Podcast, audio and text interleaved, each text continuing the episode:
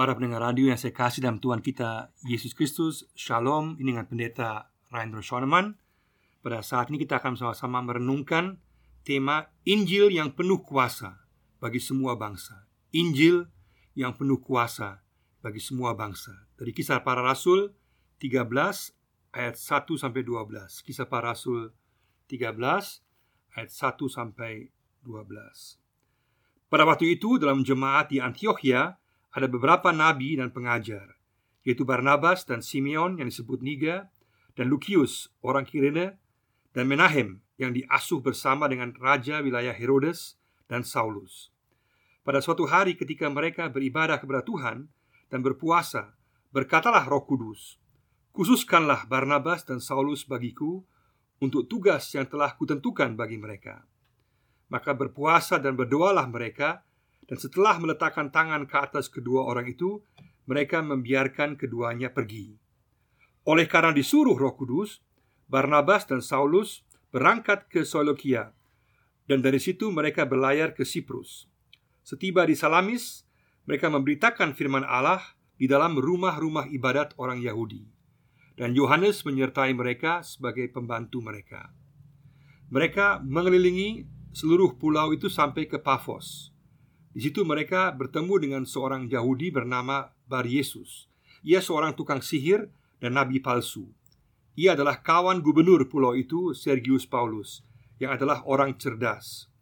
Gubernur itu memanggil Barnabas dan Saulus karena ia ingin mendengar firman Allah.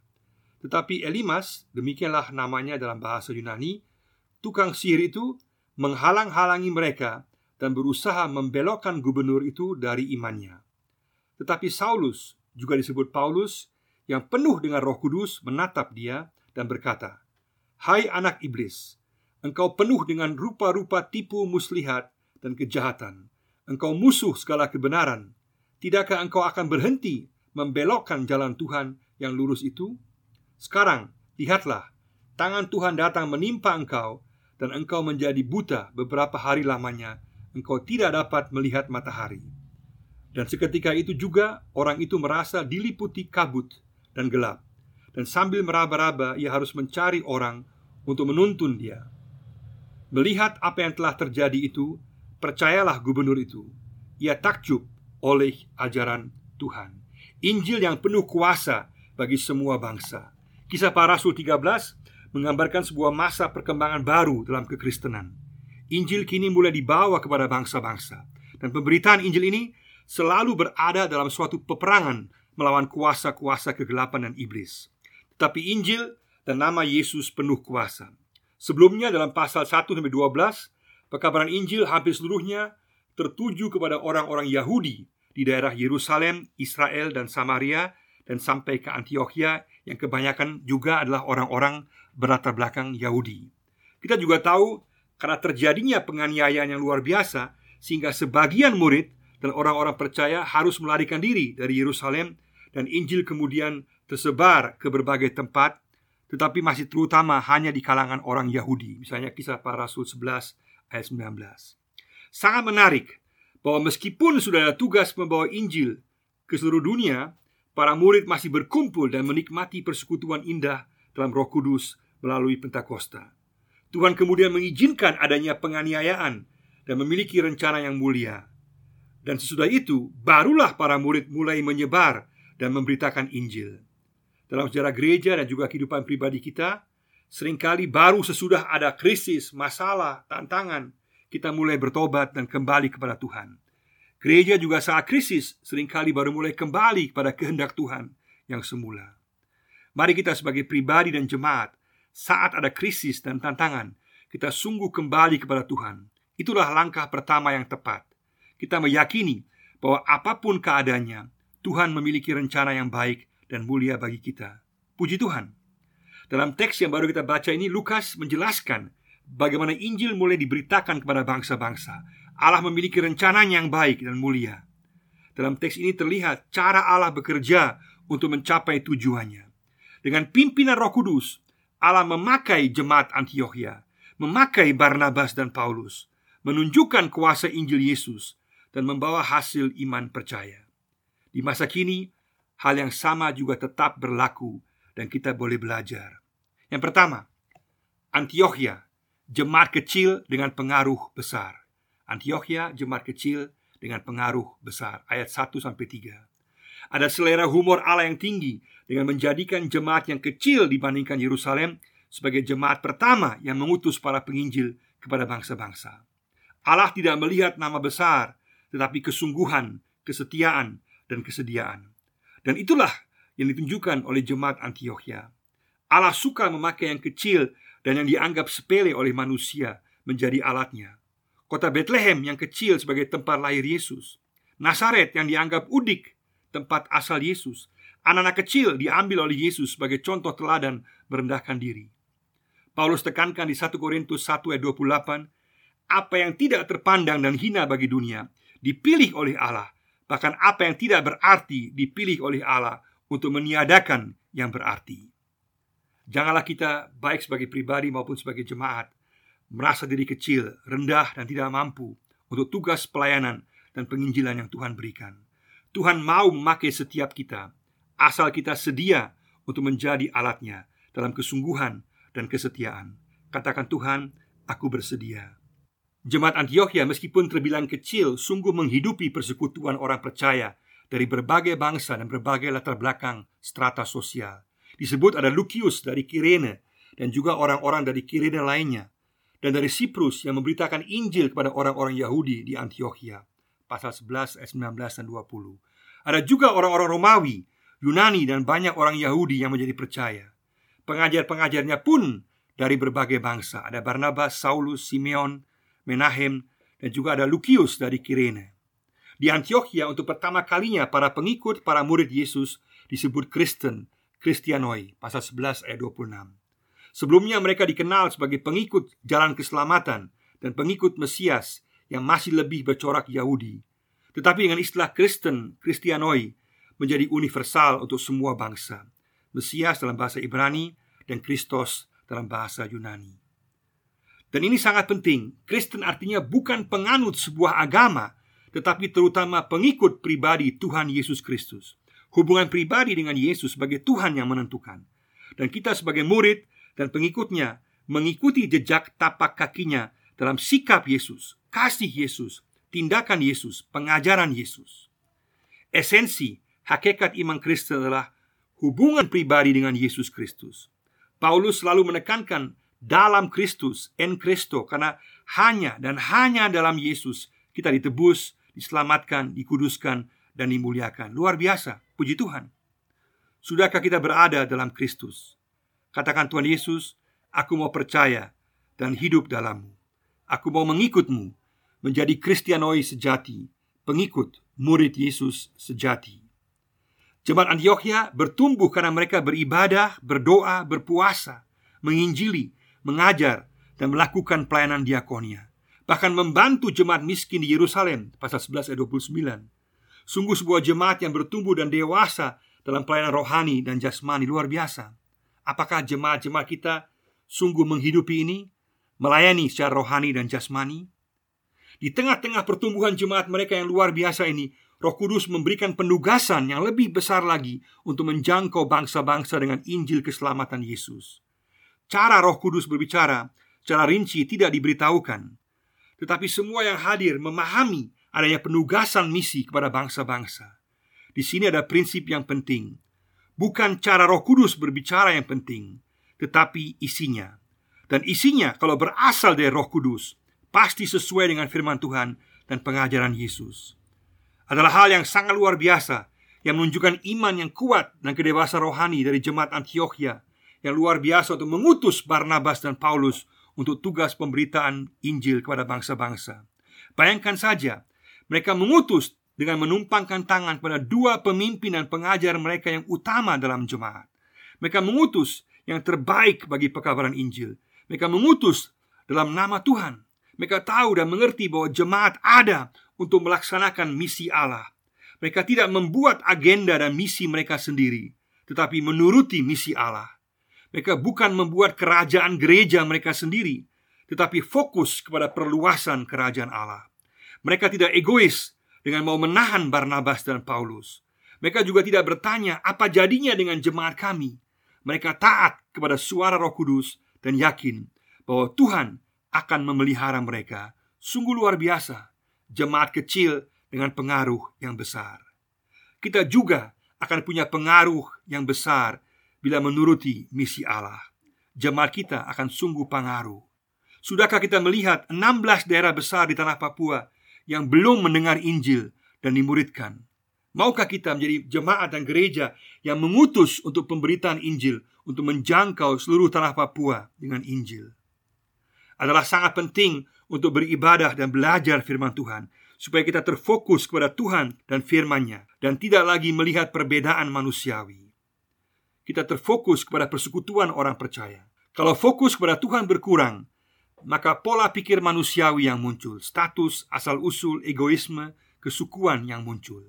Saat beribadah fokus kepada firman Tuhan, pola pikir dan cara hidup kita dimurnikan terus-menerus sehingga persekutuan menjadi nyata dan kita menjadi berkat bagi orang lain. Penting juga untuk kita berpuasa sekali-sekali, baik secara pribadi maupun sebagai jemaat. Apa tujuan berpuasa? Untuk sungguh berorientasi dan menjadi peka untuk kehendak Tuhan dalam kehidupan sehari-hari. Pengambilan sebuah keputusan dalam kehidupan. Puasa untuk mendoakan pembaharuan pribadi Puasa juga untuk berbagai pelayanan yang khusus Misalnya pelepasan dari kuasa kegelapan, penginjilan, diakonia, pastoral, sekolah minggu, pemuda Juga sebagai jemaat untuk menjadi peka kepada suara dan kehendak Tuhan bagi pergumulan jemaat Juga untuk pengambilan keputusan dalam jemaat Adalah baik misalnya sebelum sidang jemaat beberapa bulan sebelumnya Beberapa kali melakukan puasa untuk menggumuli keberadaan jemaat Dan menjadi peka terhadap kebutuhan jemaat sehingga dalam penyusunan program jemaat semakin terbuka terhadap rencana dan suara Tuhan bagi jemaat dan juga kebutuhan jemaat. Puasa bukan menjadikan kita diterima oleh Tuhan atau menjadikan kita lebih rohani. Bukan, tetapi puasa kita lakukan karena kita telah diselamatkan dan mau berorientasi dan peka kepada suara Tuhan. Puasa juga bukan untuk membanggakan diri dan show, bukan. Itu tidak ada gunanya.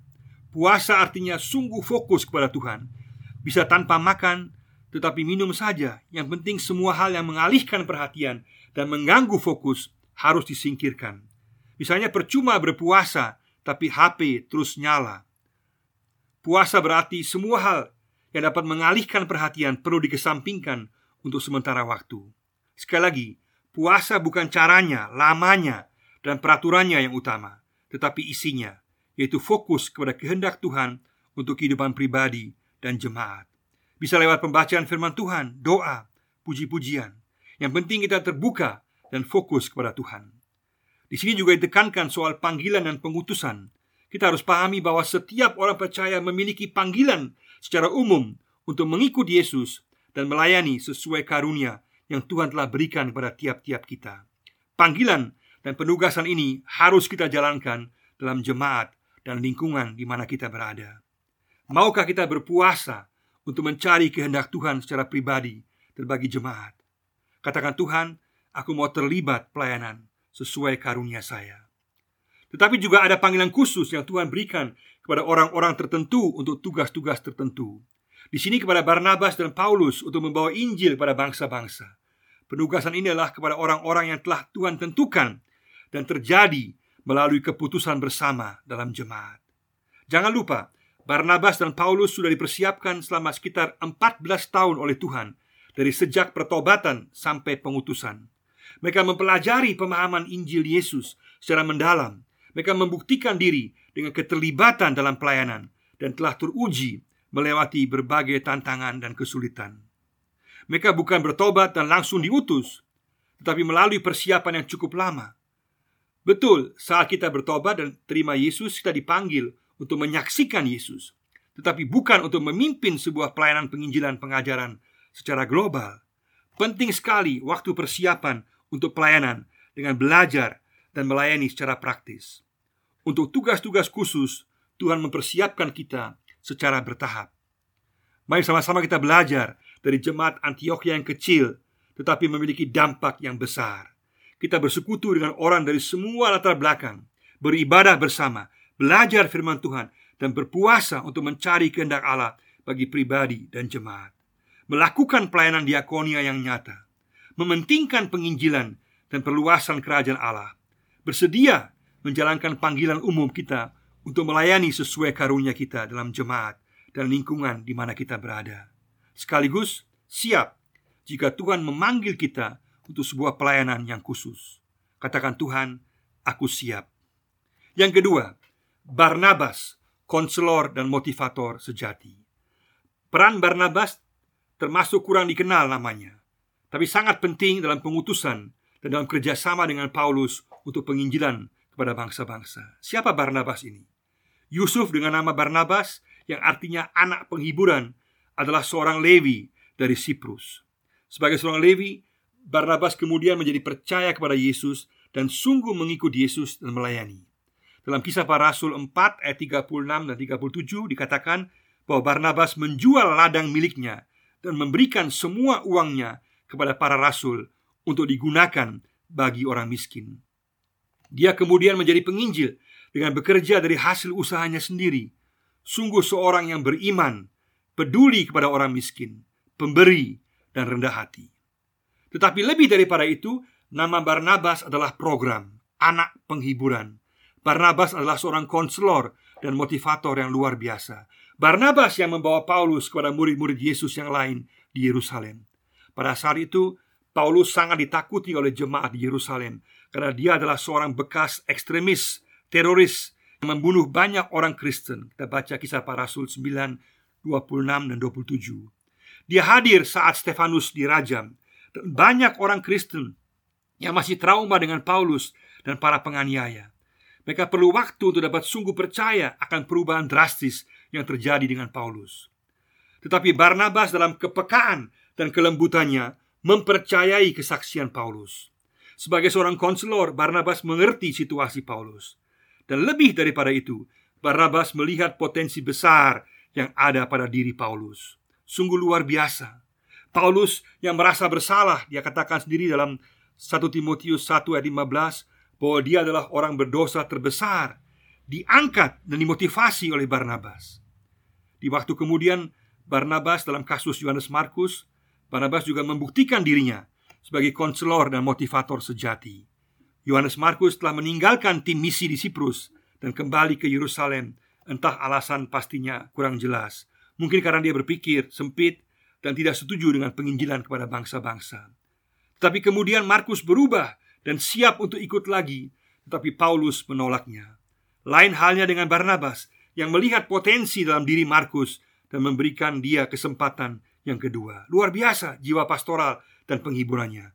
Barnabas memotivasi Yohanes Markus dan benar, akhirnya Markus sungguh luar biasa dalam pelayanannya dan bahkan menuliskan Injil Markus.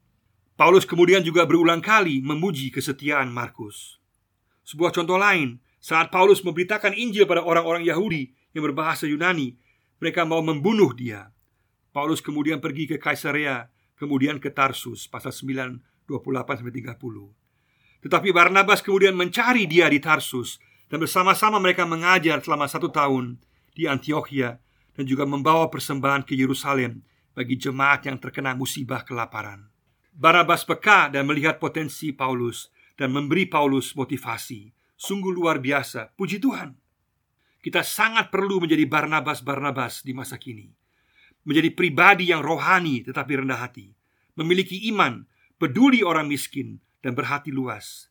Kita juga sangat perlu karunia memberikan semangat, motivasi, kekuatan, menghibur orang lain, dan melihat potensi orang lain. Memotivasi orang, peka terhadap keadaan orang lain, dan menjadi pendorong bagi mereka. Kita dipanggil untuk memberikan kesempatan kedua saat orang gagal. Kita semua orang yang pernah gagal dan betapa menyegarkan apabila ada orang yang peka mendorong dan memberikan motivasi pada kita. Jangan kita munafik dan merasa benar sendiri. Mari kita menjadi orang yang memberikan motivasi pada orang lain, memberikan kesempatan kedua. Maukah kita? Jangan biarkan orang lain menjatuhkan dan meremehkan Anda. Tuhan dapat merubah saya dan Anda. Jangan dengar suara iblis yang mau menjatuhkan kita. Dengarlah suara Tuhan yang mengatakan, "Barang siapa datang kepadaku, tidak akan kutolak." Puji Tuhan. Jemaat harus menjadi tempat di mana kita memberikan ruang bagi orang untuk bertumbuh dan mengalami perubahan. Kita sangat membutuhkan roh belas kasihan, menguatkan, menegur dengan kasih, memberikan motivasi dan menghibur.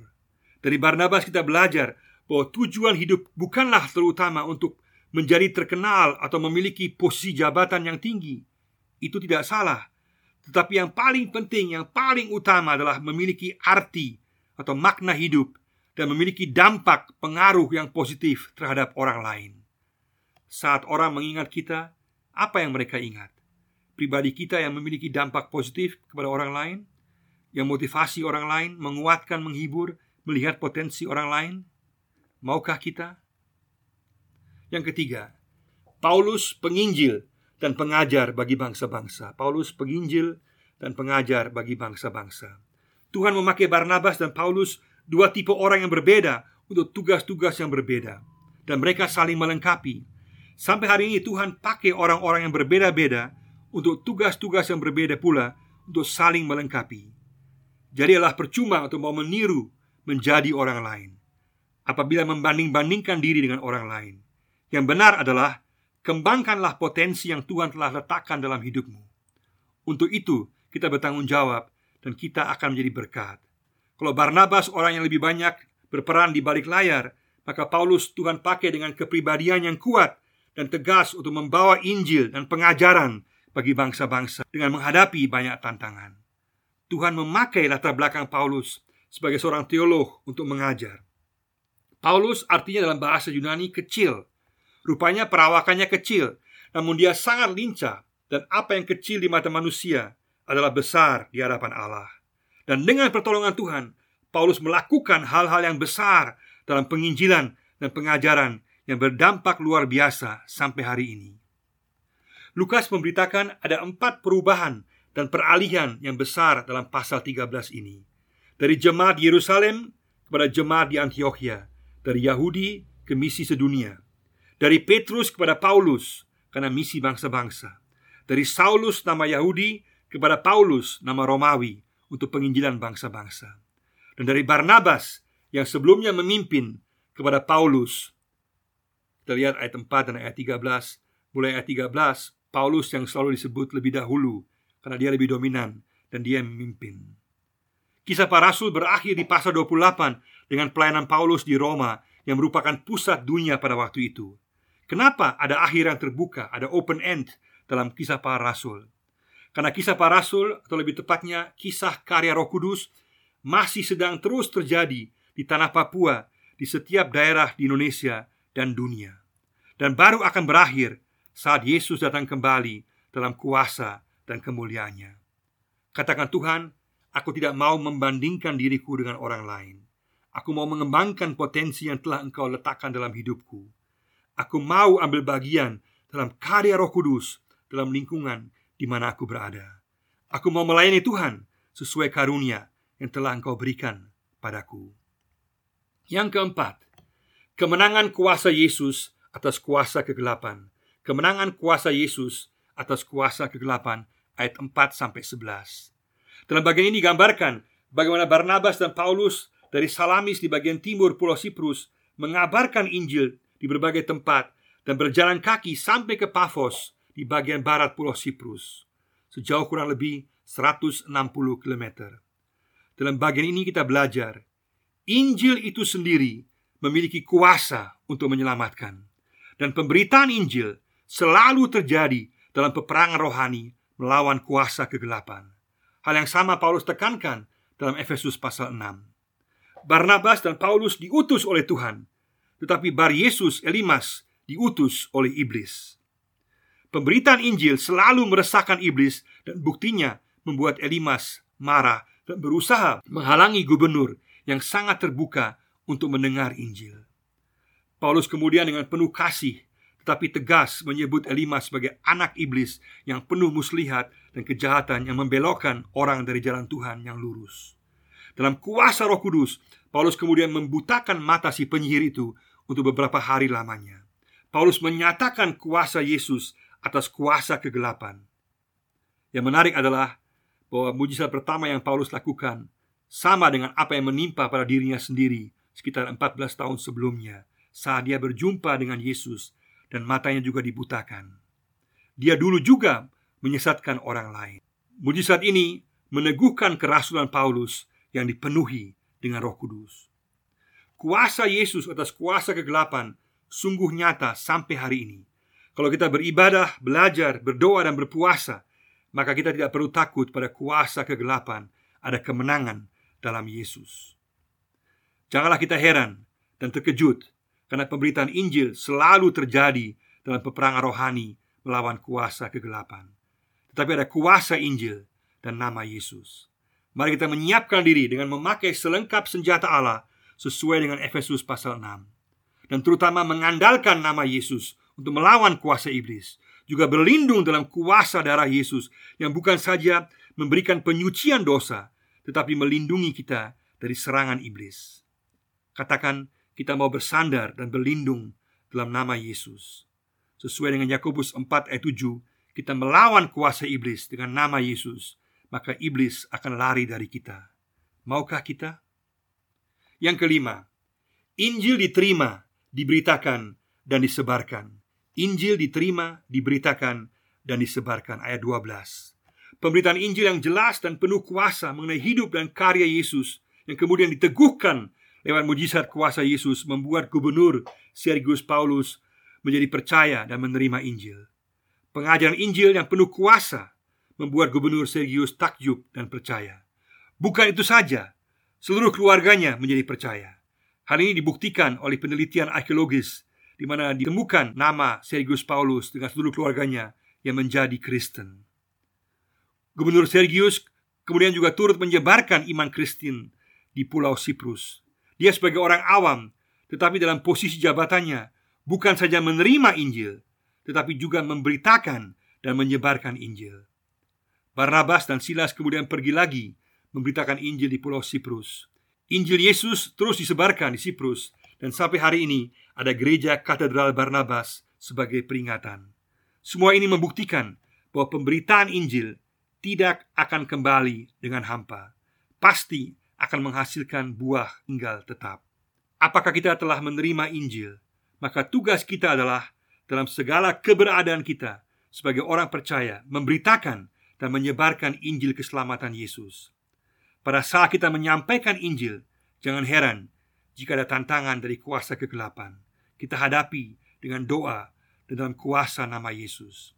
Mari sama-sama kita katakan kita memiliki pengaruh yang besar dengan beribadah, belajar, berdoa, menginjili, berpuasa, melayani sesuai karunia kita, melakukan pelayanan diakonia, dan sedia untuk dipakai Tuhan dan diutus Tuhan. Katakan kita mau menjadi orang-orang yang memotivasi, mendorong, menguatkan, dan menghibur orang lain. Kita mau melihat potensi yang ada pada orang lain. Kita tidak mau membiarkan diri kita dijatuhkan dan diremehkan orang lain.